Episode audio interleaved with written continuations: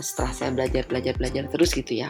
Berarti ini persiapannya bukan pada waktu saat mau hamil saja. Justru ketika seseorang itu ada di dalam kandungan tugas ibunya tuh mempersiapkan dia untuk menjadi penerusnya. Yang paling ngeri tau gak apa? Kita nggak menyadari itu loh. Sehingga kita tuh masa bodoh sama badan kita. Kalau di Indonesia lah ya. Jadi rupanya kematian ibu kita itu termasuk yang tertinggi di Asia Tenggara itu saya mengencourage mereka untuk gerak lah gitu ya. Turunin mobilnya agak jauhan bu. Ibu jam berapa nyampe ke situ? Ya setengah delapan lah. Oke agak jauhan ibu jalan kena matahari tuh. Ada satu penelitian yang di, kebetulan dilakukan di rumah sakit kami sih ya. Itu ternyata ibu-ibu hamilnya itu lebih dari 70% itu kekurangan vitamin D3 di negara yang mataharinya berlimpah ruah itu orang kekurangan vitamin D3 Halo semuanya, selamat datang lagi di podcast Sehat Seutuhnya bersama saya Will Yonas. Di episode podcast kali ini kita bakal ngobrolin soal kesehatan kita ternyata itu mulai dari rahim ibu kita. Wow, menarik banget kan apa yang akan kita bahas di podcast kali ini. Nah, kita bakal gali topik ini bersama narasumber yang sudah bersama-sama dengan kita semua.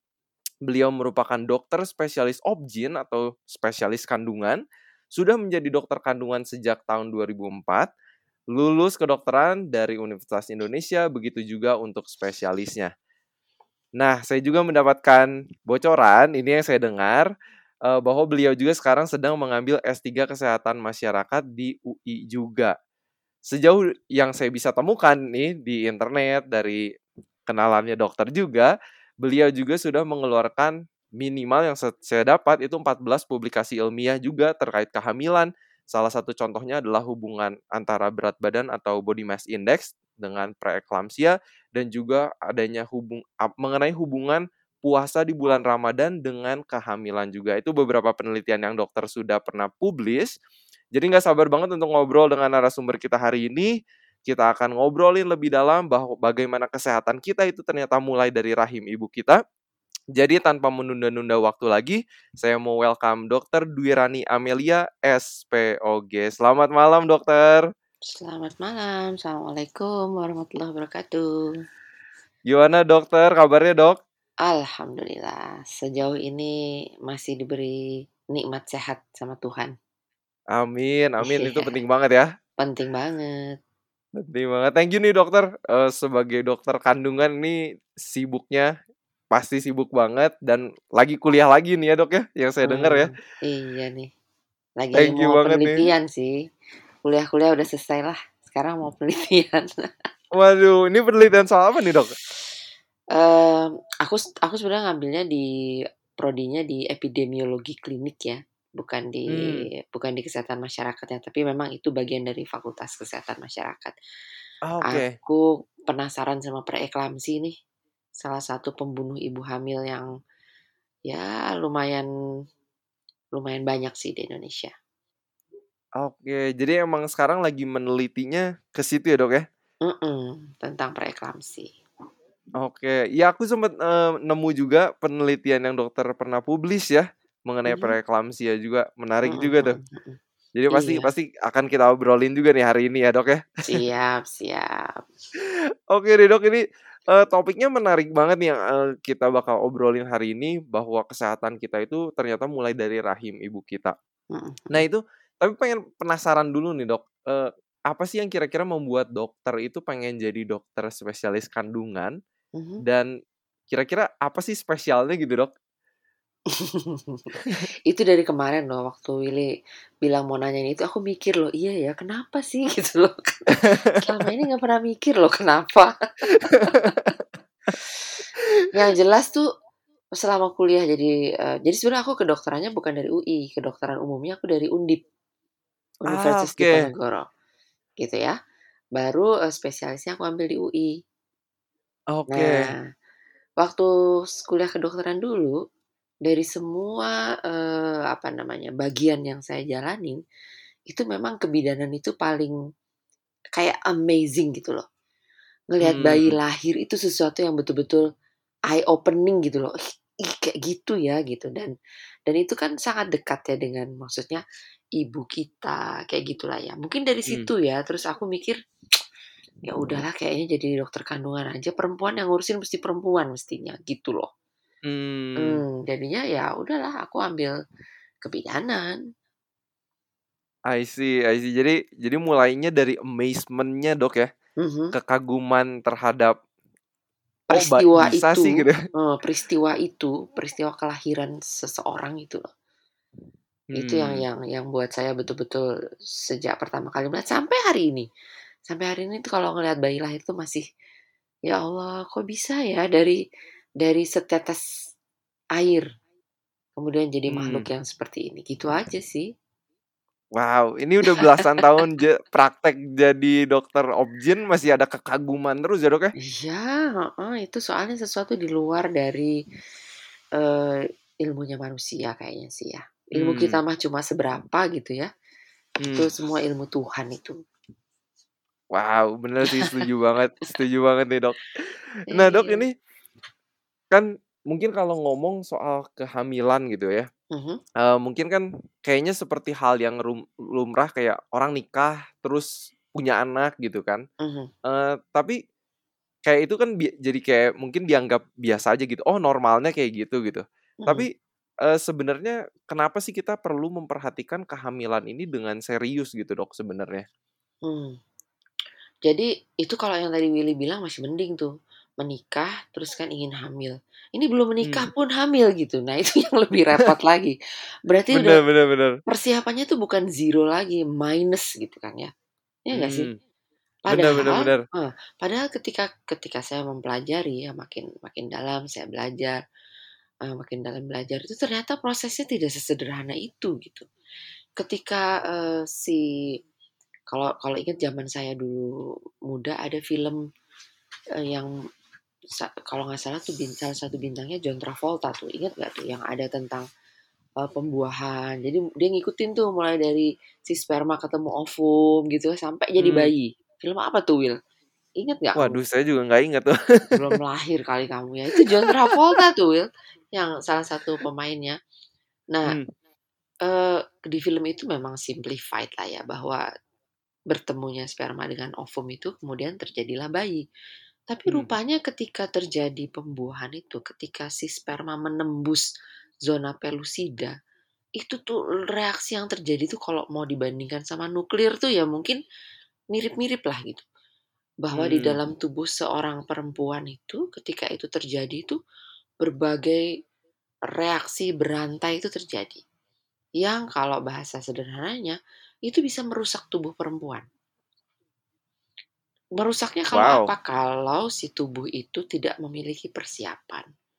Nah, di Hmm. situ tuh yang kemudian, eee, setelah saya belajar belajar belajar terus gitu ya, oh berarti ini persiapannya bukan pada waktu saat mau hamil saja, justru ketika seseorang itu ada di dalam kandungan, tugas ibunya tuh mempersiapkan dia untuk menjadi penerusnya. Menjadi Hmm. ibu di kemudian hari. Lah berarti kan mulai dari intrauterin tuh di dalam rahim tuh, Will, si Hmm. siapa namanya, si perempuan itu disiapkan.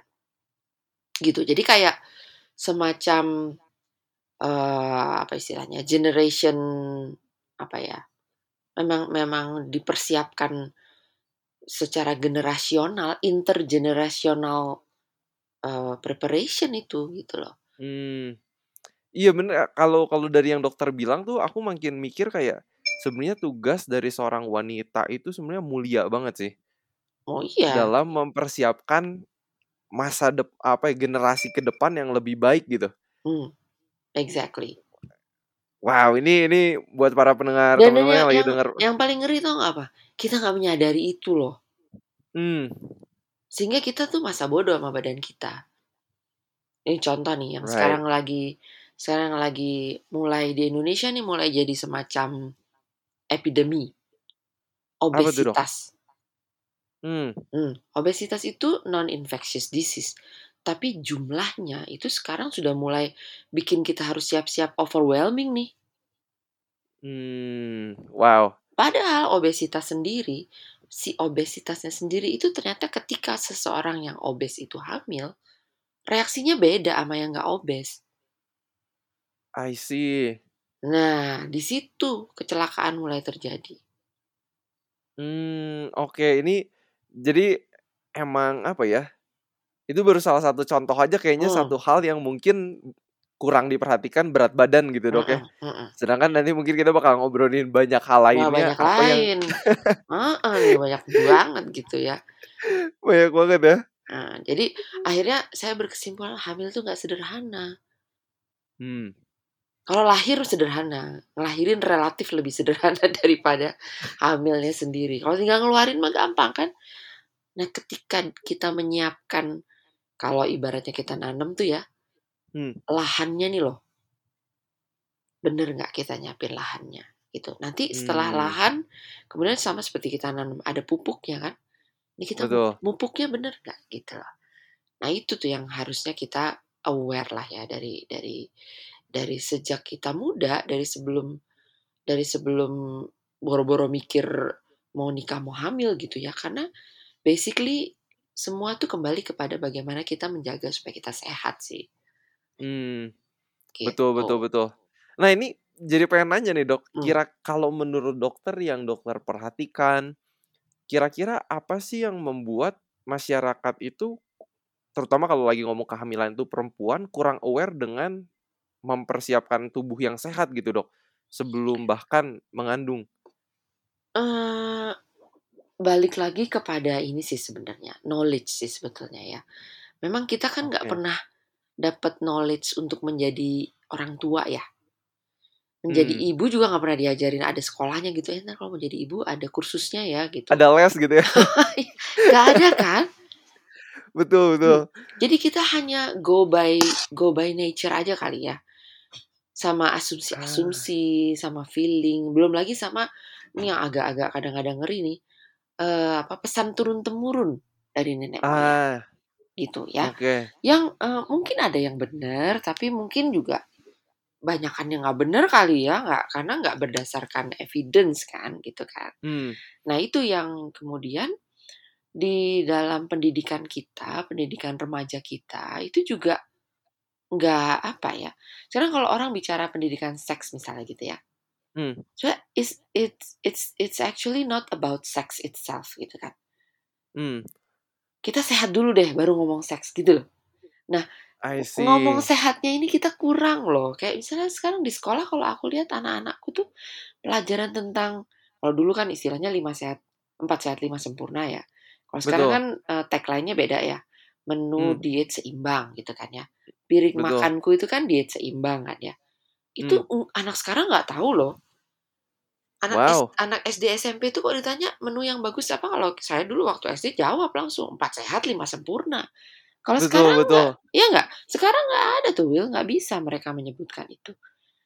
So eh, Wow. pendidikan kita bermasalah sih dalam hal yang dalam hal yang eh, social life skills gitu loh. Itu menurut saya sih kurang dan orang tua orang tua kita nih yang di zaman yang membesarkan mereka itu juga sudah berbeda gitu. Maksudnya ibu-ibunya lebih banyak bekerja gitu kan ya waktunya untuk Hmm. kemudian berdiskusi dengan anak-anak juga mungkin kurang gitu kan sehingga nggak ada yang bertanya jawab tentang hal itu gitu. Jadi ya udah eh, kayaknya tuh semuanya lihat ntar aja gitu loh. Ya nggak sih? Benar benar benar itu itu yang aku perhatiin juga dan aku ingat mungkin kayak pas aku di zaman SD Hmm. eh, awal tahun 2000-an itu tuh kayak empat sehat lima sempurna tuh aku masih diajarin gitu Hmm, masih kan? Masih Hmm. Eh, tapi setelah aku belajar juga sebenarnya kan udah waktu itu sudah sempat udah diubah jadi gizi eh, tumpeng gizi seimbang Hmm. Em, tapi waktu itu juga masih 4 sehat 5 sempurna. Tapi paling enggak kan kayak masih dapat sesuatu gitu dok ya. Hmm, ya kan maksudnya Paling- pengetahuan kita kan berkembang kan bahwa oh ternyata Hmm. bukan empat sehat lima sempurna loh gitu, tapi lebih kepada keseimbangan nutrisi gitu kan ya. Hmm, It's okay itu part eh, bagian dari perkembangan ilmu pengetahuan gitu kan. Tapi artinya dari kecil kita tuh sudah dibuat aware gitu loh bahwa makanan itu penting. Kalau hmm, sekarang yes. enggak. Sekarang Wow, enggak ini gitu loh. harus harus ada perubahan deh dok ya kayaknya ya. Kayaknya deh. Kayaknya harus deh. Oke, ini ta tapi paling enggak nih at least buat teman-teman yang lagi dengar podcast ini memutuskan untuk mendengarkan podcast kesehatan mungkin itu udah salah satu step langkah yang bagus banget ya dok ya. Exactly, betul betul. Oke nih dok ini uh, pengen nanya nih uh, Hmm. mengenai kehamilan ini tadi Mhm. dokter sempat mention juga uh, bahwa ini bukan hal yang sederhana, hal yang kompleks. Tapi kira-kira ada kondisi atau komplikasi apa sih dok yang uh, banyak dialami oleh ibu yang sedang hamil bahkan bisa sampai menyebabkan kematian gitu dok? Eh ada ada banyak sih sebetulnya ya komplikasi pada kehamilannya. Ini nggak pada takut nih kalau ngomongin komplikasi nih. Hmm. Face reality gitu dok ya. Oke, sesuai. face reality ya gitu. Kalau di Indonesia lah ya, kita bicara Indonesia dulu ya. Oke. Penyebab kema jadi rupanya kematian ibu kita itu termasuk yang tertinggi di Asia Tenggara. One of the Wow, highest. really? Hmm. Kalau sekarang itu eh, 305 kematian per 100.000 kelahiran hidup. Itu kalau Oke. dihitung itu da, eh, dalam satu tahun tuh seperti seolah-olah ada ibu-ibu nih kita naikin ke pesawat Boeing 373 isinya berapa tuh? Aha. 300-an penumpang ya, Iya. ya kan? Itu jatuh. Bruk, mati semua gitu. Hmm. Nah, itu eh, angka kematian ibu di di Indonesia. Angka itu hanya turun sedikit dari ketika kita selesai dengan Millennium Development Goals itu tahun 2015 ya. 2015 Oke. itu kita menargetkan bahwa eh, kematian ibu kita yang pada waktu itu 285 pada waktu itu 285 itu turun Ah. menjadi 50%, 50% dari itu gitu. Ternyata Oke. eh, selesai kita dengan Millennium Development Goals, itu ternyata angka kematian kita dilihat 359. Waduh, kok 359 gitu kan ya? Iya. Dihitung ulang lah. Wah, ada perhitungan namanya survei eh, antar sensus. Apa namanya lupa saya. Itulah kira-kira. Dihitung lagi. In- Intinya sih sebetulnya perhitungan statistik lah ya. Dihitung lagi enggak enggak enggak 359, 305. Tetap naik dong, bukan turun dari 285 gitu kan. Betul, betul. So that's what happened gitu dan eh, ternyata nggak banyak orang yang realize bahwa itu tuh jelek. Itu Hmm. adalah salah satu eh, indikator dalam indeks pertumbuhan di sebuah negara. Dan kita jelek angkanya gitu loh. Nah, dari yang sekian banyak kematian itu, dilihat nih apa sih yang bikin mati gitu kan ya. Kalau penyakitnya Betul. sebetulnya ada tiga yang utama nih, yang besar-besarnya. Apa tuh, Dok? Yang satu perdarahan. Jadi perdarahan Oke. eh, pasca persalinan maupun pada saat kehamilan, perdarahan ya. Hmm. Yang kedua nih hipertensi dalam kehamilan atau yang pada kondisi lebih buruk kita kenal dengan istilah preeklamsia. Nah ini juga Oke. agak ngeri-ngeri nih yang preeklamsia ini. Dan ini Nomor dua ya itu ya? nomor satu dan nomor dua tuh ganti-gantian aja. Ada di satu Ah, oke. daerah yang yang tingginya yang HPP, yang perdarahan, di daerah lain yang hipertensi gitu ya. Tapi dua itu selalu kayak salip-salipan gitu loh. Hmm. Yang ketiga itu infeksi. Nah, ini yang yang eh, kadang-kadang infeksi itu angkanya juga agak agak sulit di, di divalidasi gitu ya karena infeksi yang terjadi itu pada masa nifas, Will. Pada masa nifas itu Oh. artinya dia sudah sudah selesai melahirkan gitu kan ya. Dalam 40 hari pasca persalinan dia sakit Aha. sakit biasanya demam tinggi gitu ya sampai biasanya infeksi berat kan yang menyebabkan kematian kan kalau infeksinya berat dia Hmm. masuk ke rumah sakit tidak tercatat sebagai satu kematian ibu padahal itu per definisi itu adalah kematian ibu gitu nah jadi mungkin angkanya juga nggak terlalu valid lah ya tapi masih nomor Oke. tiga Hmm. itu sih yang paling yang paling utama Oke, ini ini menarik nih. Ada pendarahan, hipertensi pada ibu hamil, mhm, dan infeksi ya. Dan betul kira-kira kalau dan pasti yang dokter bilang tadi komplikasi sebenarnya banyak banget gitu dok ya. Mhm, Dari yang tertinggi itu tiga ini gitu. mhm. Cuman sebenarnya ada nggak sih dok yang ibu seorang wanita itu bisa lakukan sebenarnya untuk mencegah hal ini terjadi gitu dok? Hmm. Uh, mencegah komplikasi itu, jadi gini, pendekatan sekarang itu bisa nggak sih kita nebak nih orang bakal perdarahan, nih orang Nah. bakal preeklamsi gitu kan ya? Hmm. Itu yang kemudian membuat saya meneliti sebetulnya Will, gitu. Karena ternyata Ah. ternyata it's not that simple. Hmm.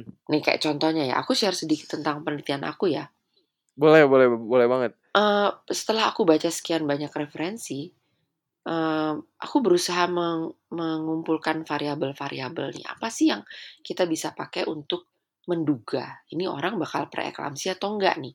Karena Hmm. saya kan eh, disertasi saya tentang preeklamsi gitu kan ya. Oke. Nah, terus eh, ternyata penelitiannya banyak sekali dan bahkan eh, sudah banyak juga meta analisis terkait dengan itu.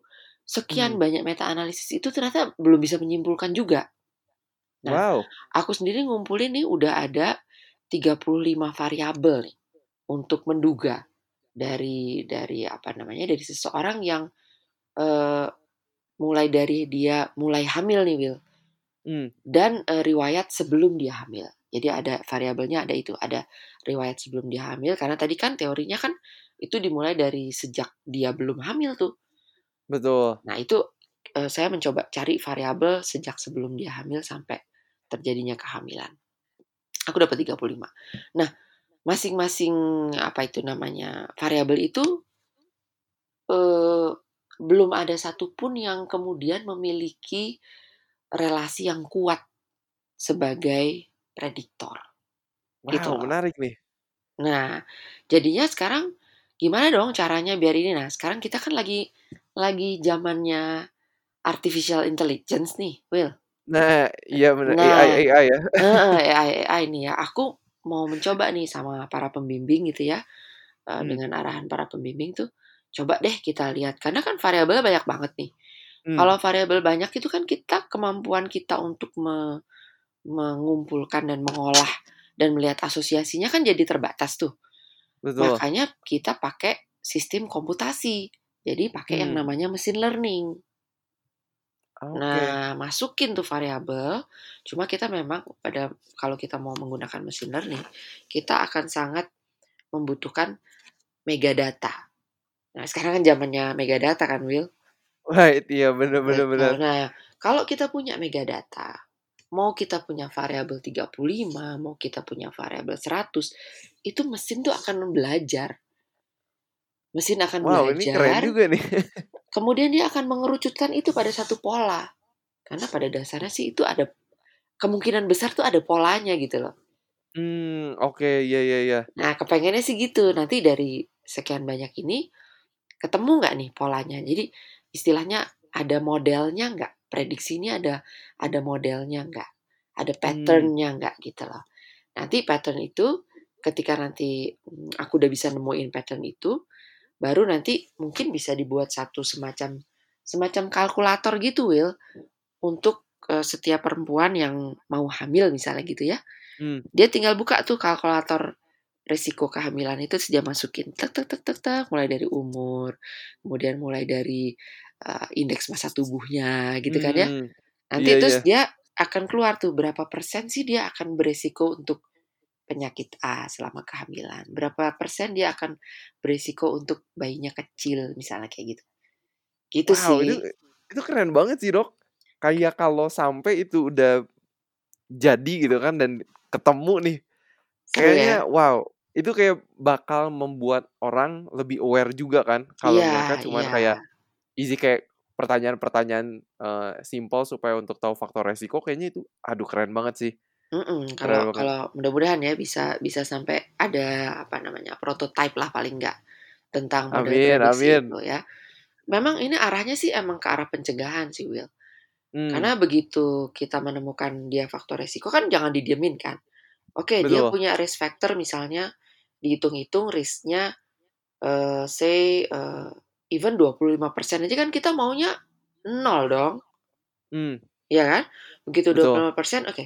Dari sisi mana nih kita bisa bisa intervensi supaya yang 20% itu jadi nol. Jadinya Yes. lahirlah bayi-bayi yang sehat semua gitu. Betul betul betul. Ini intervensi preventif menjadi Mhm. akan sangat penting ya, Dok, ya? Iya iya. Nah, itu pengen, eee, tanya juga nih, eee, soal karena preeklamsia juga ini banyak nih di, eee, Indonesia gitu ya. Mhm mhm. Kalau misalnya seorang ibu yang sedang hamil itu mengalami hipertensi, itu efeknya gimana sih, Dok, sama kesehatan ibu itu sendiri dan sama si bayinya juga gitu? Mmm. Jadi kalau hipertensi pada orang hamil itu sebenarnya ada 2 macam sih, secara secara simpel aku bagi 2 gitu ya.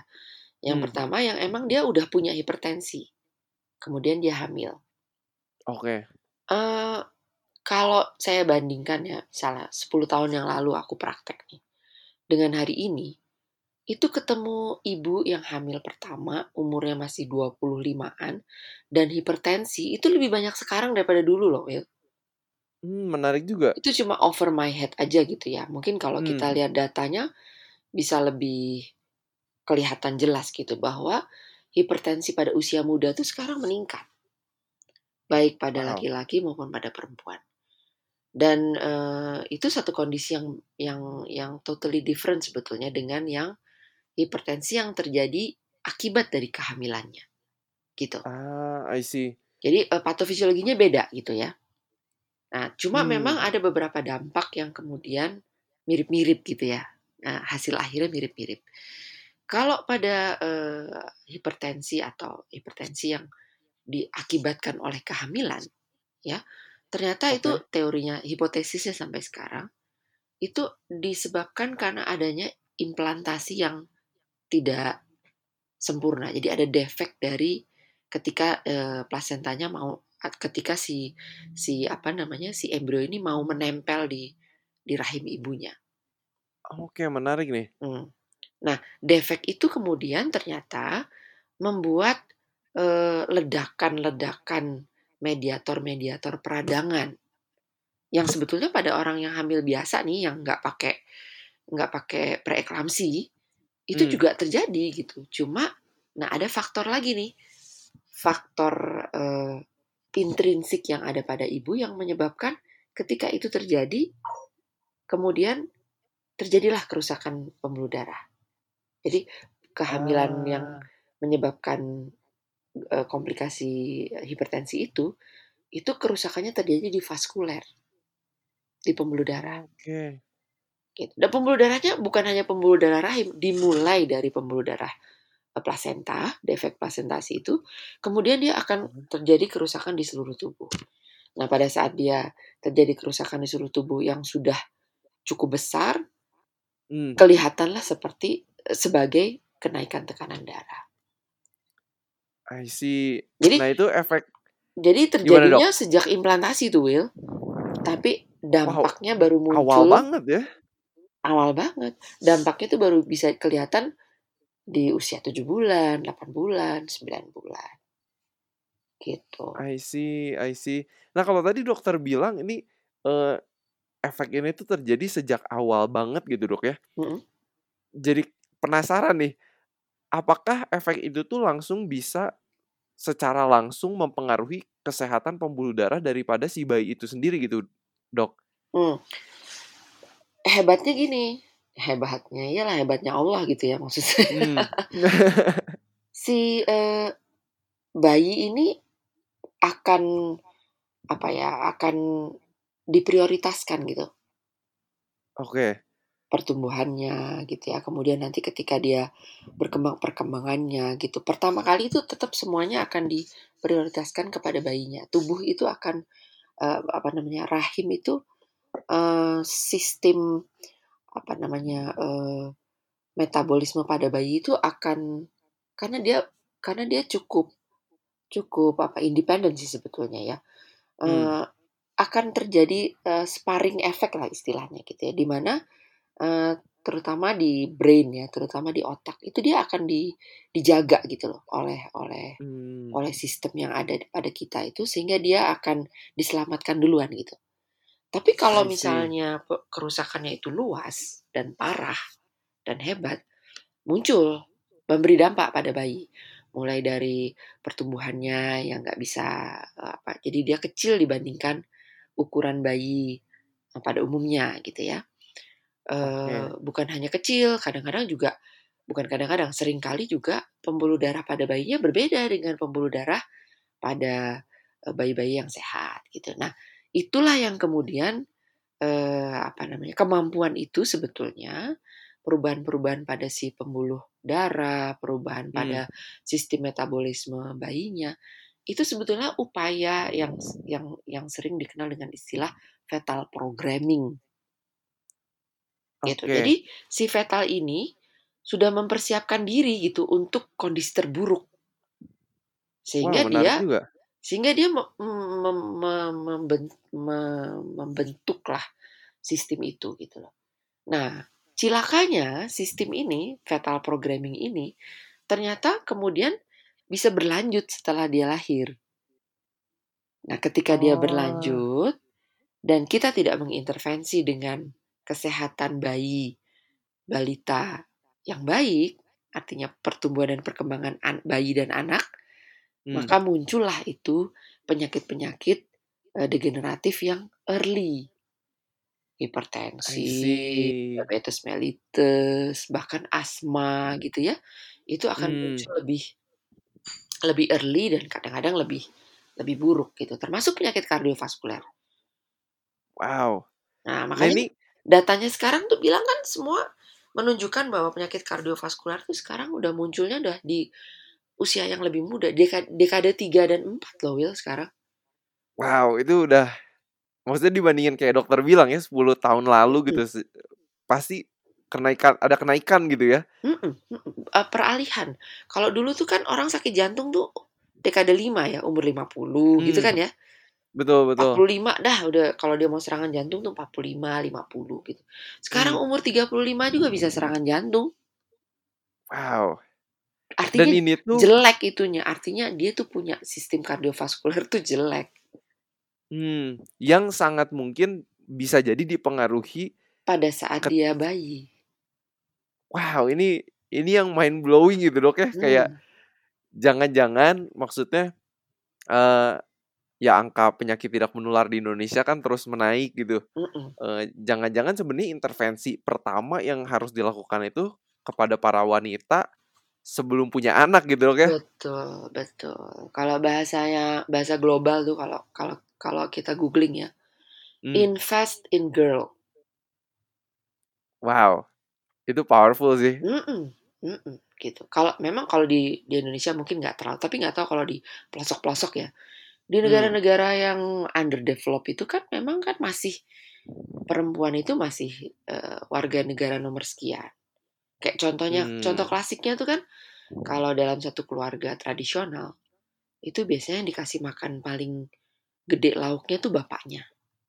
Habis itu anak laki-lakinya.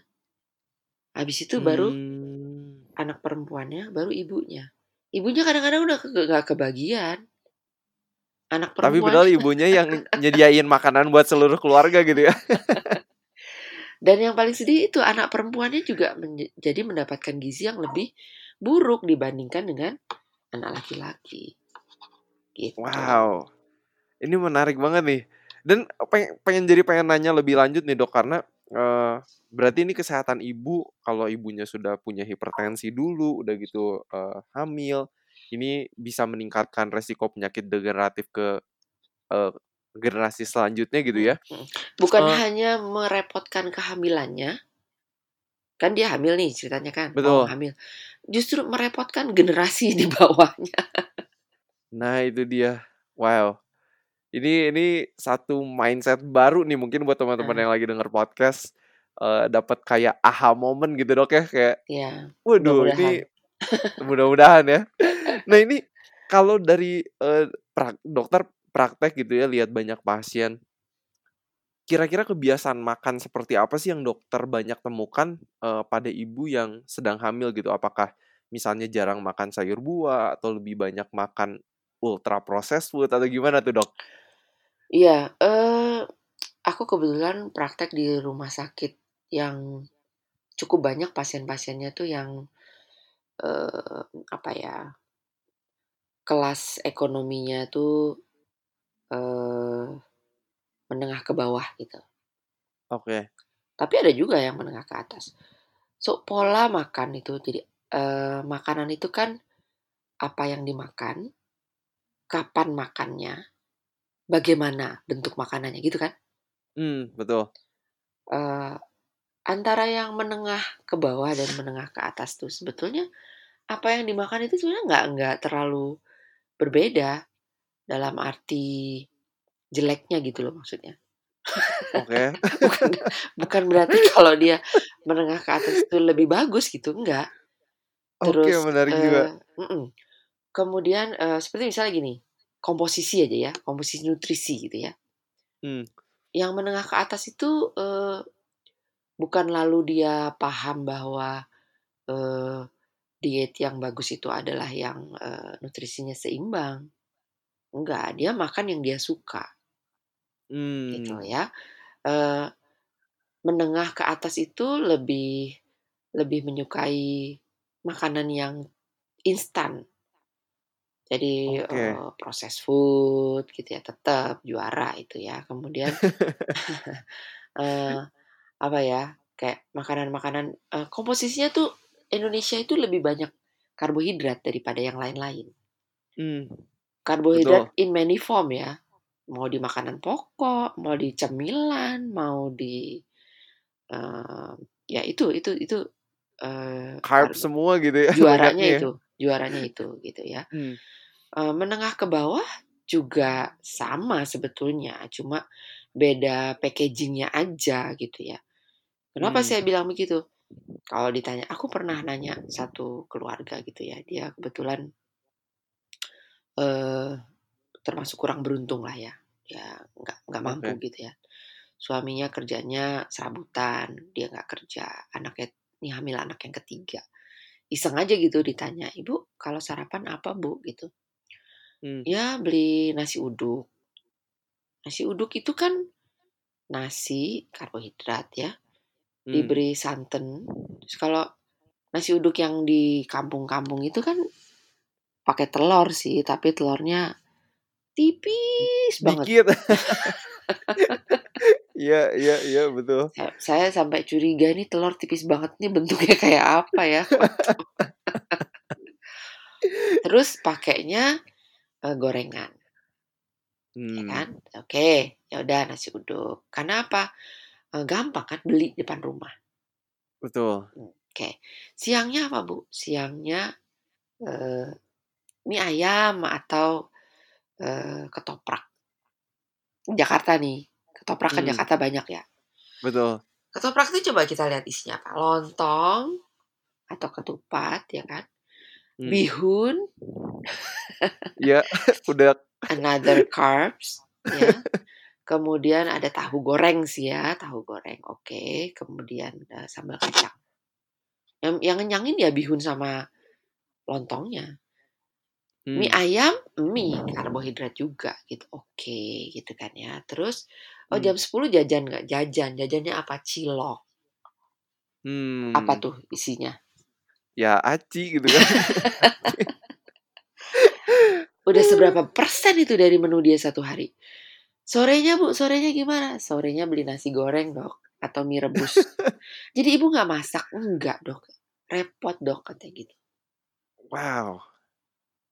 Kebayang nggak itu kalau itu di di urban, di rural urban ya, Hmm. rural urban sih kalau aku aku boleh bilang Jakarta itu kan kampung raksasa juga Hmm. dan mereka adalah anggota di situ gitu. Jadi eh pola seperti itu gitu, polanya seperti itu. Wow, ini apa ya? Dengernya Sedih sedih juga sih, sedih sih.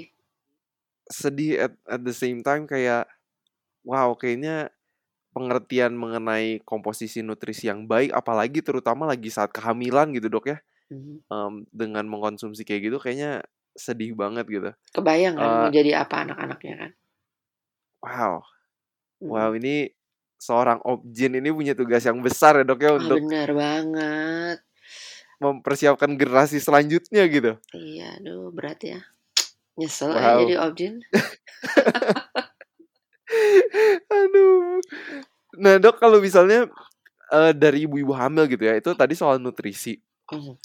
kalau soal olahraga gitu dok, kira-kira banyak nggak sih ibu-ibu yang hamil itu peduli dengan gerak badan gitu dok? Eh, kayaknya itu juga agak memprihatinkan sih ya. Hmm, Sebetulnya sebetulnya karena memang pola hidup masyarakat kota barangkali. Saya bicarakan saya tinggal di kota ya, maksudnya dengan hmm, pasien-pasien juga orang kota. Mudah-mudahan di daerah yang lebih yang lebih tidak terlalu kota ini tidak separah tidak separah eh, kota besar lah ya. hmm, Coba sekarang ibu bekerja deh. Eh, kalau saya nasihatin ya, misalnya ibu umur 25 tahun gitu nih, hamil anak kedua gitu ya misalnya ya. oke. Dok, saya kok sekarang cepet capek ya dok ya, dia bilang gitu. Saya jalan sedikit udah capek gitu ya. Hmm, Eh, lalu saya gali biasanya ibu eh, ke kantor naik apa bu gitu. Naik mobil, ya nggak sih? hmm, Terus eh, sama suami dianterin ke kantor. Oke, dari pinggir jalan ke ruangan ya deket sih dok gitu. Terus di kantor ngapain? Duduk. Kerjanya di depan laptop. Oke. hmm. Terus kalau di lantai berapa bu? Lantai dua dok gitu. Naik tangga apa lift? Lift lah dok. Ngapain naik tangga? Jadi memang modernisasi itu di satu sisi membuat lo udah dibikinin lift kok mau naik tangga gitu kali ya mikirnya ya Sayang gitu ya? sayang gitu kali ya gitu. Tapi tapi kan itu bukan yang seharusnya kita lakukan. Jadi eh ya kalau lagi periksa ibu hamil saya banyakkan ngobrol tentang itu gitu. Saya mengencourage mereka untuk gerak lah gitu ya. Hmm, turunin mobilnya agak jauhan bu. Ibu jam berapa nyampe ke situ? Ya setengah delapan lagi. Oke agak jauhan ibu jalan kena matahari itu bu. Ada satu Hmm. penelitian yang di, kebetulan dilakukan di rumah sakit kami sih ya itu Oke. ternyata ibu-ibu hamilnya itu lebih dari 70% itu kekurangan vitamin D3 Hmm, oke. di negara yang mataharinya berlimpah ruah Hmm, itu orang kekurangan vitamin D3 itu kan irony kan ironi betul. tapi itu kenyataannya Wow.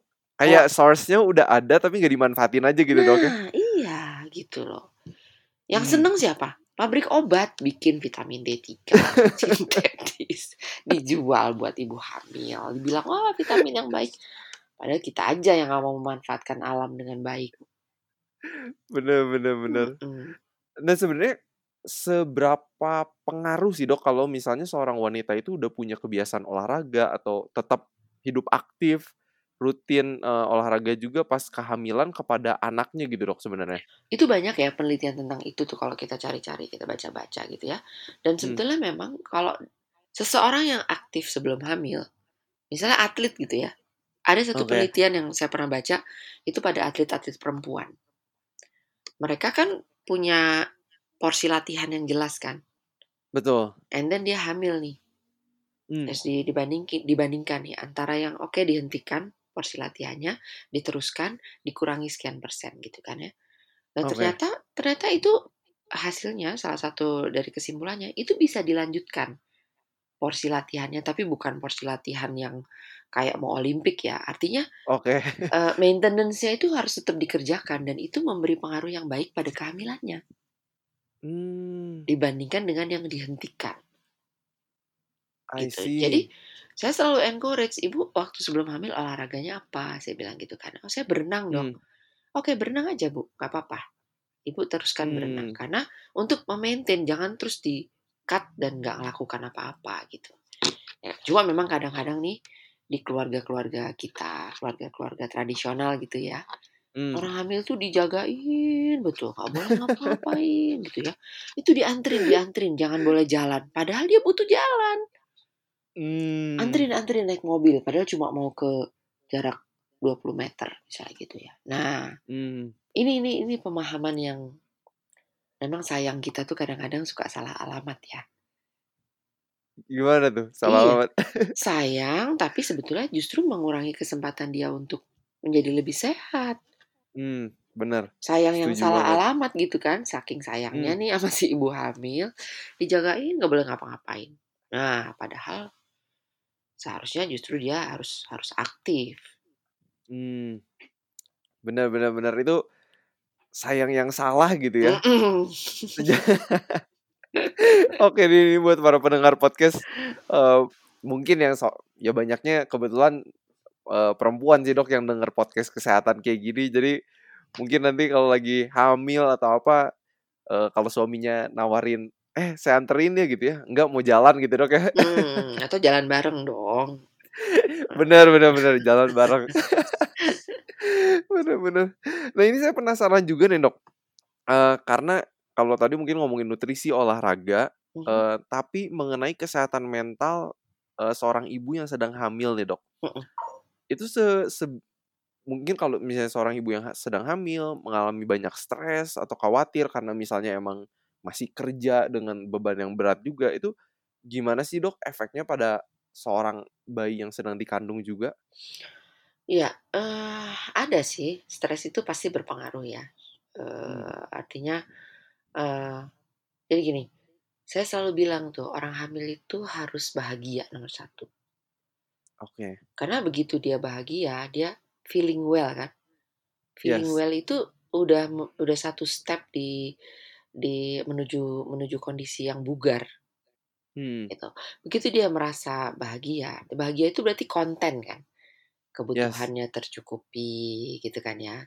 hmm Kemudian rasa amannya ada. Dari hal-hal yang sederhana itu aja gitu. Kita tuh jangan selalu berpikir bahwa kerja itu yang bikin kita stres. Apalagi kalau oke kerjanya itu passion loh.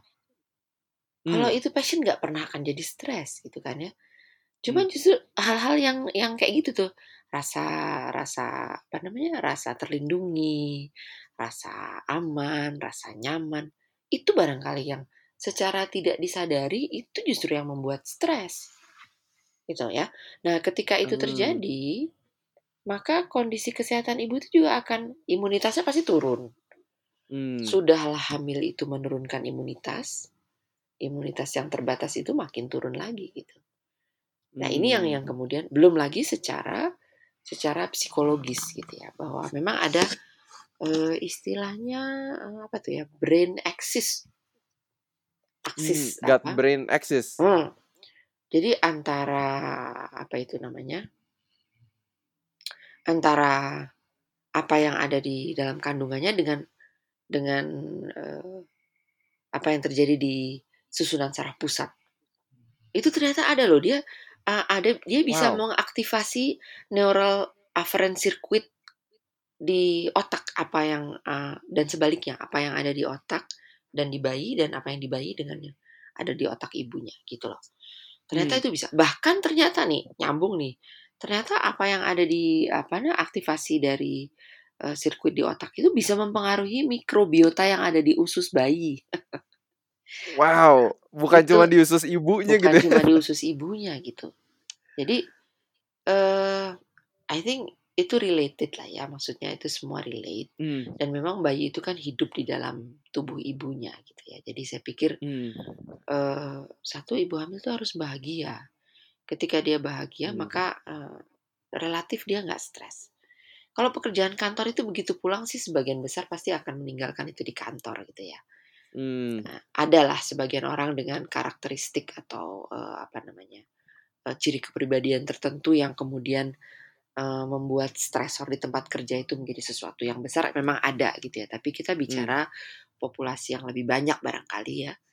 Eh, hmm itu lebih lebih lebih kepada eh, mungkin bukan stres yang sifatnya nyata seperti itu gitu. Tapi hal-hal yang yang menjadi beban pikiran si ibu itu ya sehingga dia tidak hmm bahagia. Itu sangat I berhubungan. see I see, I see. Nah ini yang kayaknya kalau yang jadi masalah itu kalau stresnya itu datang dari rumah kali dok ya. Jadi Nah, kayak betul, apa ya? Rumah itu jadi bukan a safe place gitu ya, betul, tapi betul, membawa stres gitu. betul, betul banget Wow. gitu ya. Ini Ya buat itu buat peran peran suami itu udah tuh. bener bener bener. Tugasnya suami itu bikin istrinya bahagia. Ini kayaknya harus ada podcast khusus itu dok kayaknya dok. Bagaimana suami membahagiakan istri gitu ya. Aduh, menarik, menarik. Wow, ini eh, semoga teman-teman sejauh ini udah belajar banyak banget mengenai efek daripada kesehatan ibu kepada kesehatan bayi dan bagaimana kira-kira hidup sehat yang bisa mulai dipraktekkan sejak sekarang bahkan sebelum hamil gitu ya. Uh, dan mungkin dok ini ada bonus question nih dok yang aku hmm. pengen tanya ke dokter mungkin hmm. sebagai pertanyaan terakhir untuk hmm. episode kali ini. Um, kira-kira ada nggak sih dok perbedaan mengenai uh, bayi yang dilahirkan secara uh, sesar hmm. uh, dan juga persalinan normal hmm. dan apakah itu ada nggak sih efeknya uh, kepada kesehatan anak itu gitu di kemudian hari gitu dok? Ya banyak sih sebenarnya ya. Sudah banyak sekali penelitian yang uh, mencoba membandingkan antara bayi-bayi yang dilahirkan dengan uh, lewat jalan lahir normal dengan sesar gitu kan ya. Hmm. Apalagi sekarang nih uh, lagi rame nih sesar tuh angkanya makin makin mening meningkat ke jumlah okay. yang uh, apa ya istilahnya sekarang uh, cesarean section pandemi. Wow, menarik. Saking di semua negara itu uh, meningkat gitu ya dan dan uh, ternyata bu bukan hanya negara maju yang yang meningkat. Justru kayak di Swedia tuh mulai turun sekarang orang-orang di Swedia itu ya mungkin karena edukasi ya, karena apa namanya pemahamannya terhadap terhadap pengetahuan yang terus terus uh, berkembang gitu ya. Mereka sekarang bisa yeah. melihat, bisa me, memberdayakan masyarakatnya untuk belajar dan melihat bahwa persalinan yang baik itu ya yang lewat jalan lahir normal gitu. Hmm. Cuma kan Swedia melewati perjalanan sebuah negara yang sedemikian panjang untuk sampai pada titik itu gitu kan ya. Hmm. Amerika sendiri masih masih masih struggling gitu bahwa di sana tuh angka seksionya, angka angka seksio sesarianya juga tinggi tapi masih kalah tinggi dengan negara-negara seperti Brazil dan Argentina. Hmm, Indonesia Indonesia in between mereka lah ya gitu. Cuma memang okay. ada beberapa daerah daerah-daerah yang memang luar biasa tinggi dan biasanya memang daerah uh, urban, daerah kota gitu ya. Hmm. Uh, Padahal kalau orang mau melihat itu sebetulnya uh, Tuhan kan sudah menciptakan jalan lahir ya. Dan hmm. uh, Tuhan kan gak akan menciptakan sesuatu itu sia-sia gitu ya. Hmm. Jadi memang uh, ilmu-ilmu sekarang atau penelitian-penelitian sekarang menemukan bahwa uh, uh, lebih banyak sebetulnya keuntungan dari melahirkan secara melewati jalan lahir normal dibandingkan dengan uh, sesar. Sesar gitu ya? Mulai dari uh, intelijensia deh misalnya ya. Uh, okay. Ada penelitian yang menyebutkan bahwa bayi-bayi yang dilahirkan dengan uh, sesar itu ternyata IQ-nya itu ada di bawah dari bayi-bayi yang dilahirkan secara normal. Oke, okay, menarik juga. Jadi kalau kita memahami proses persalinan, kenapa sih kok bayi disuruh lewat jalan yang sempit kayak gitu gitu ya? Hmm. Ternyata pada waktu uh, dia lewat jalan lahir normal, kepala itu kan seperti ditekan ya. Kepala bayi. Oke. Okay. Nah, uh -huh. pada waktu dia ditekan itu bukan cuma ketekan gitu doang gitu, tapi tekanan itu ternyata merangsang eh, titik-titik uh, tertentu di susunan saraf pusat kita gitu. Untuk kemudian wow. mengeluarkan berbagai zat yang dibutuhkan oleh bayi itu ketika dia lahir. Wow, gitu ini keren ya. banget sih. Setelah kepalanya lahir, bagian badan masih harus lewat jalan sempit itu kan? Hmm. Ternyata ketika dia lewat itu bukan hanya paru-paru itu diperas untuk kemudian mengeluarkan semua cairan-cairan yang memang awalnya ada di situ ya. Tapi hmm. bersamaan dengan proses itu juga juga dikeluarkan gitu zat-zat zat-zat peradangan yang dibutuhkan untuk memicu si bayi untuk bernafas. Ah, I gitu. see. Gitu. Itu itu dari secara mekanik aja nih, gitu ya. hmm. ya itu itu dampaknya udah berbedanya seperti itu nah ternyata diteliti lagi oh iya ternyata IQ-nya berbeda gitu ya kemudian hmm. belum lagi gini uh, kalau kita mau operasi itu kan di steril ya daerah Betul. operasi itu dibersihin supaya jangan ada kumannya kan hmm. kemudian dibuka uh, rongga perut itu steril pasti gitu ya hmm. kemudian dilahirkan bayi lewat uh, dengan cara me menyayat rahim nggak hmm. ada kuman di rahim itu Kumannya itu hmm. ada di bagian segmen bawah rahim, di vagina dan okay. di mulut rahim. Hmm. Jadi bayi-bayi itu tidak bersinggungan dengan kuman-kuman yang ada di uh, mulut rahim dan di vagina kan? Hmm. Ternyata itu bikin masalah. Itu menyebabkan uh, uh, apa namanya? uh, apa namanya? Kuman normal yang dibutuhkan ada di bayi itu jadi nggak ada. I see. Nah, itu kira-kira dampaknya apa tuh? Nah, ketidakadaan kuman normal itu atau mikrobiom ya istilahnya ya. Hmm. Itu ternyata berpengaruhnya bukan hanya pada uh, apa namanya? kesehatan ususnya gitu ya. Hmm. Ternyata juga di in later life asma case itu juga meningkat kalau dilihat uh, uh, apa namanya? out ratio-nya 1,2 kali asma kejadian asma Di bayi yang di pada bayi yang sesar nggak- gitu ya? iya gitu I see. terus apalagi nih juvenile arthritis 1,1 Hmm. sih ya diabetes inflammatory bowel disease jadi penyakit eh, apa radang usus Hmm. pada later life ya bukan pada waktu jadi di later life-nya itu eh, apa namanya ini penelitian selama 35 tahun loh data yang dikumpulkan Waduh. dengan Wow. Mm, dengan melihat eh, anak dengan usia 0 sampai 15 tahun. Hmm. Leukemia 1,1,7. Asma yang paling tinggi 1,23 Hmm. gitu ya. Jadi eh, ternyata seksiosisaria meningkatkan ini semua. Meningkatkan resiko Hmm. asma, meningkatkan resiko diabetes gitu ya. Hmm. Meningkatkan eh, penyakit kelainan eh, imun gitu. Jadi Hmm. eh, nggak nggak nggak main-main sih sebenarnya ya. Betul-betul eh, seksiosisaria itu harus kita jadikan kalau istilahnya perang Baratayuda tuh senjata pamungkas harusnya. Hmm. Jangan jadi senjata yang see. dipakai di depan, Hmm. Iya iya iya iya. ya kan? Jadi kayak belum apa-apa udah Mm-mm. ah sesar aja gitu ya. Mm-mm. Nah itu nanti kejadiannya kayak kayak Hiroshima Nagasaki lebih banyak mudaratnya daripada manfaatnya, lebih Hmm. banyak efek buruknya daripada efek baiknya, Wow. gitu. Ini ini ini menarik banget nih buat teman-teman. Eh, mungkin ini juga knowledge baru. Semoga ini bisa membuka wawasan juga. Karena emang bener dok. eh, ya dari lingkungan aku sendiri gitu ya Mm. di Bandung. Kayaknya apa ya banyak gitu yang mak- makin banyak yang eh, lahir sesar gitu dibandingkan dengan lahir normal. Eh, walaupun nggak nggak kita nggak tahu juga ya kalau misalnya memang ada indikasi yang eh, memang harus disesar gitu ya. Cuman emang kayaknya trennya naik gitu. Iya, iya. Jadi Mungkin menarik mungkin banget. kalau boleh kalau boleh eh, titip pesan kali ya.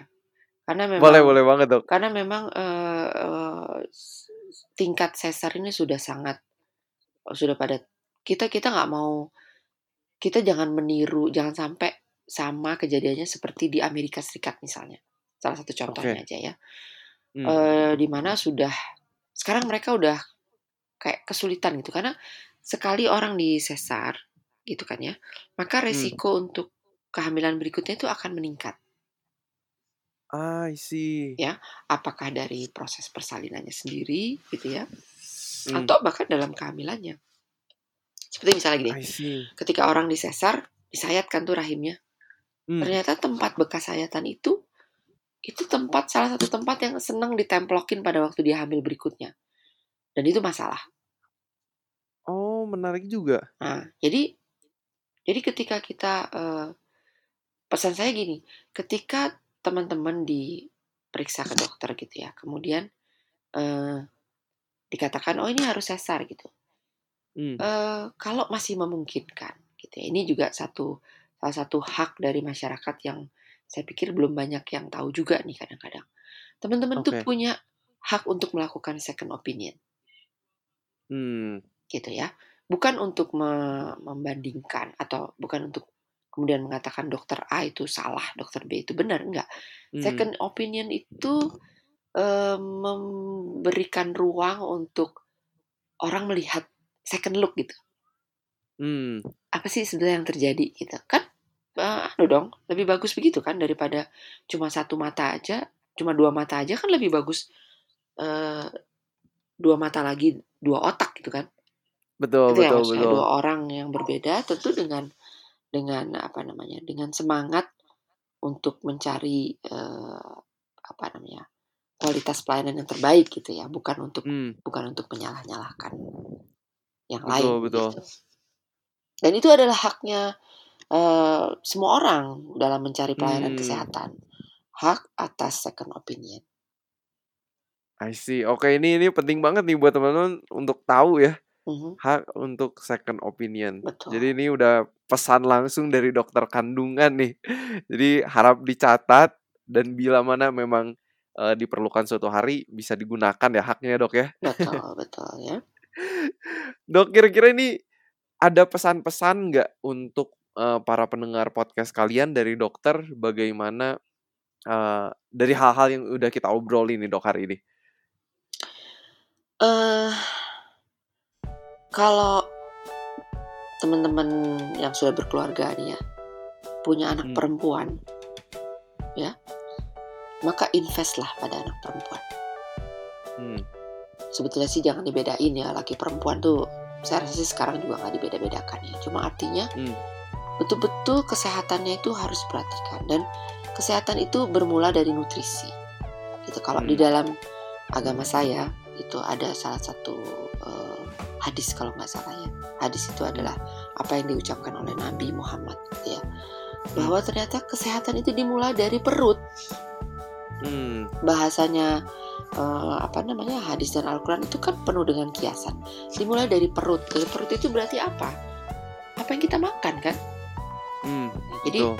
jadi eh, ayolah kita bangun eh, budaya makan yang sehat gitu. Karena eh, kesehatan anak-anak kita itu dimulai dari itu gitu kan ya. Dan Hmm, dan kebiasaan itu nggak bisa nggak kecuali dibentuk dari awal.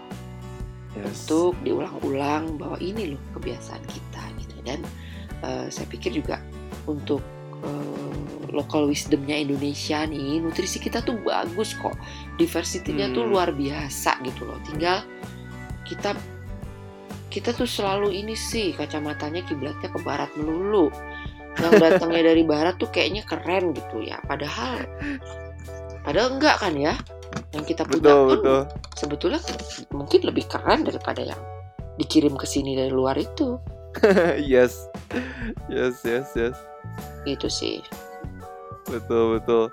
Nah, ini mungkin mungkin kalau buat yang masih single gitu dok ya mungkin nih berarti PR-nya harus cari pasangan hidup yang sehat juga kali dok ya. Ah. Jangan gitu dulu kali Will mulai Gimana sekarang kita harus mulai nih. Oke lah yang sudah terjadi terjadilah kan ya.